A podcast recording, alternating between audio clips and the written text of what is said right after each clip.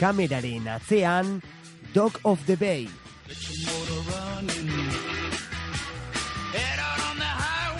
Gabondatak etxeko berotasunean igarotzea izan oida askoren gustuko, baina jaiegunak amaitu eta berehala, hotzak eta etengabeko euriteek iria hartu duten honetan, bada etxean geratzea baino plano beagorik. Musika eta irudia uztartuz, emozioetara jotzen duen Dog of the Bay festivala.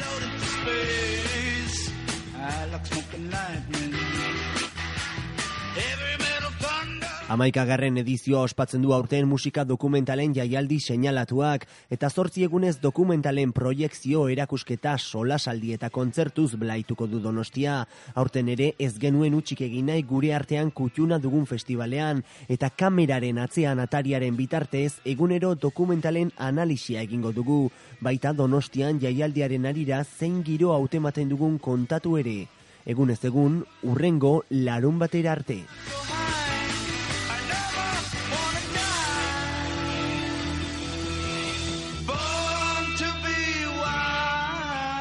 Festivala pasaden urtean harrera beroena jaso zuen zinegilearen eskutik abiatu genuen.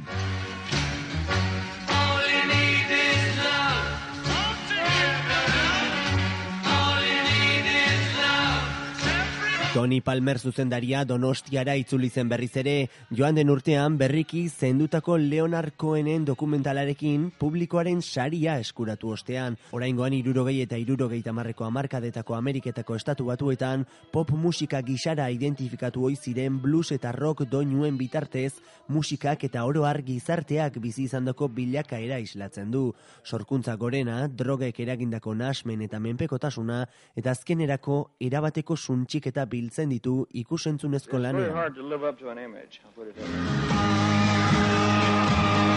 Konduan hartu beharrekoa da festivala ireki zuen Palmerren lanau amazazpi ataleko serie baten zati bat besterik ez dela, eta horren bestez garrantzitsua dela kontakizunaren funtsa garaiko testu inguruan kokatzea, baita ia eun obratara ligatzen den zinegilia ingelesaren filmografian bertan kokatzea ere. Dena den joan den urtean koen erdigune hartuta eraiki zuen historio ezin emozionalagoaren aldean, musika izar bilakatu eta gizarteko iruditerian txoko guztietara iritsi ziren irurogeita marreko amarkadako musika izar estatu batuaren utxune existentziala islatzen, ez du emaitza hain mamitsua lortu. Akaso historioa foku bakarrean zentratu ordez, fronte askotara zabaltzen duelako, eta horrekin batera uko egiten diolako sakontasun narratiboari.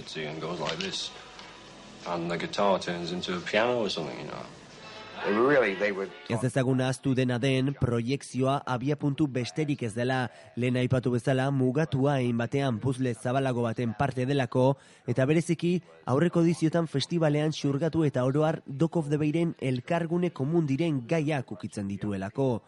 Eta Londresko zinegile batek kontaturiko historio batetik, kontakizunaren erdigune Londresko kantari bat bera duen historiora egin genuen jauzi segidan.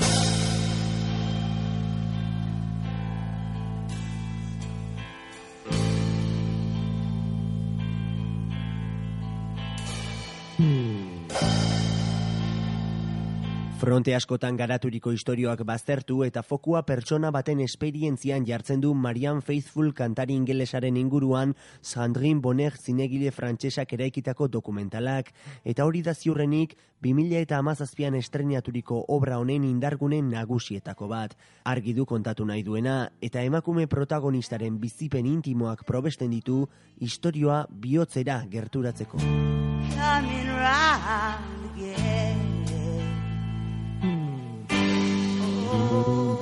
Faithful gazte eta inuzenteak musika industrian bat bateko barneratzea egin zueneko unea abia puntu hartuta, gai sorta zabala lantzen du dokumentalak ordubeteko iraupenean. Tartean ikuskizunaren industriak gizarte kodeak eraikitzerako orduan duen pisua, sormenaren zirrara, baita musikaren unibertsoan emakume izateak edota amatasunak duten esanaia ere esparru horretan murgiltzean jorratzen du bonegek faithfulen alde sentikorrena. Mik jagerrekin izan zuen harremana baliatuz, iragana eta oraina parekatu, eta denborak sortzali ororengan uzten duen aztarnaren inguruan gogo eta egiterakoan. Say they've never seen a man with such faith Onartu beharra dago dokumentalak indar dramatiko handiagoa izango lukeela, iragana egungo testigantzen bitartez kontatu ordez, garaian bertan grabaturiko materiala probestu eta bi denbora tarteen arteko elkarrizketa bat eraikiko balu. Horregatik da azken batean dokumentalaren lehen pasartea hain boteretsua. Hala eta guztiz ere, Faithful musika dokumental gintzaren oiko kodeak baliatuz, historio unkigarria kontatzen duen ikusentzunezko ariketa da. Eta horren bestez, estrenako eguna bolobiltzeko modu aproposa.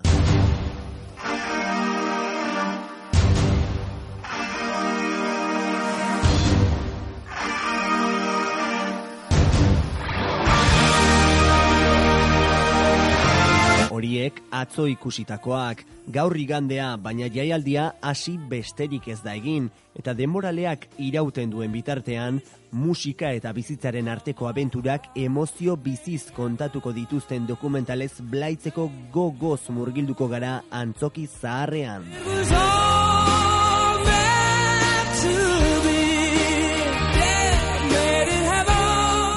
ere hementxe izango gaituzue egunak emandakoaren berri emateko kameraren atzean. Ordura arte argiak itzali eta gozatu dezagun musikaz eta zinemaz.